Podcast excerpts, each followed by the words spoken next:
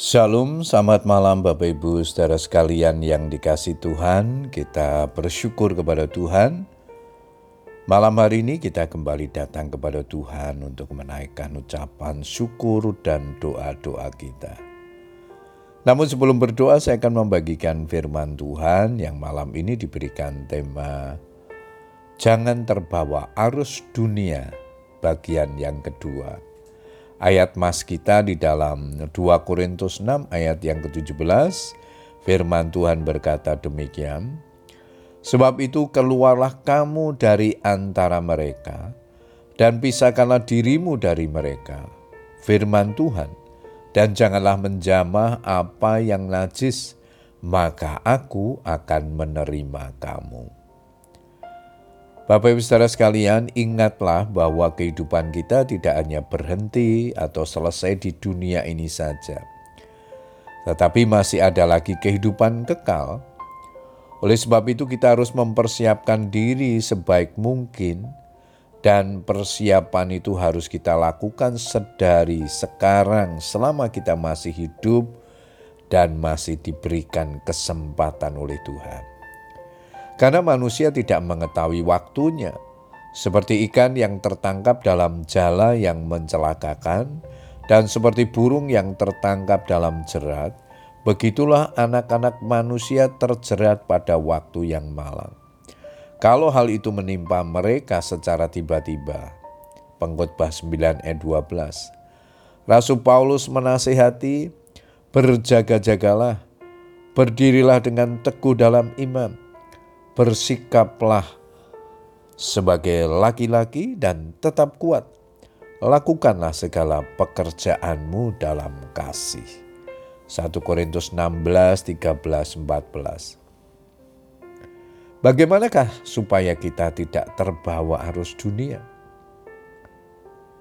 Kita harus tetap berdiri teguh di dalam iman. Caranya, kita harus melekat kepada Tuhan Melekat kepada Tuhan berarti kita tinggal di dalam firman-Nya. Alkitab adalah dasar untuk kita mempersiapkan diri menghadapi akhir zaman dan juga membuat kita dapat berdiri teguh melawan arus dunia ini. Sebab firman Tuhan selain berfungsi sebagai pedang roh, juga bermanfaat untuk mengajar, menyatakan kesalahan, dan juga untuk memperbaiki kelakuan serta mendidik kita dalam kebenaran. 2 Timotius 2 ayat yang ke-16. Karena itu kita harus melatih kepekaan kita untuk mendengar suara Tuhan.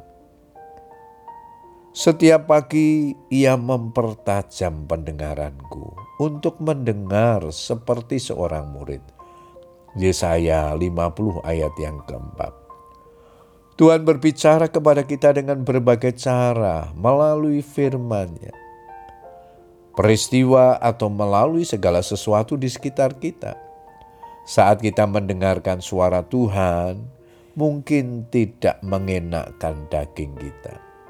Namun akan lebih berbahaya jika kita tidak mau taat mendengar suaranya. Meski arus dunia ini semakin deras, menyeret banyak orang kepada hal kehancuran. Asalkan kita mau hidup dipimpin oleh Roh Kudus, kita akan tetap kuat dan tidak akan terseret arus dunia. Melekat kepada Tuhan dan firman-Nya membuat kita kuat di tengah-tengah tantangan zaman. Puji Tuhan Bapak Ibu Saudara sekalian, biarlah kebenaran firman Tuhan yang kita baca dan renungkan malam hari ini menolong kita semuanya tetap setia, tetap teguh iman kita di dalam menjalani kehidupan ini. Selamat berdoa dengan keluarga kita. Tuhan Yesus memberkati. Amin.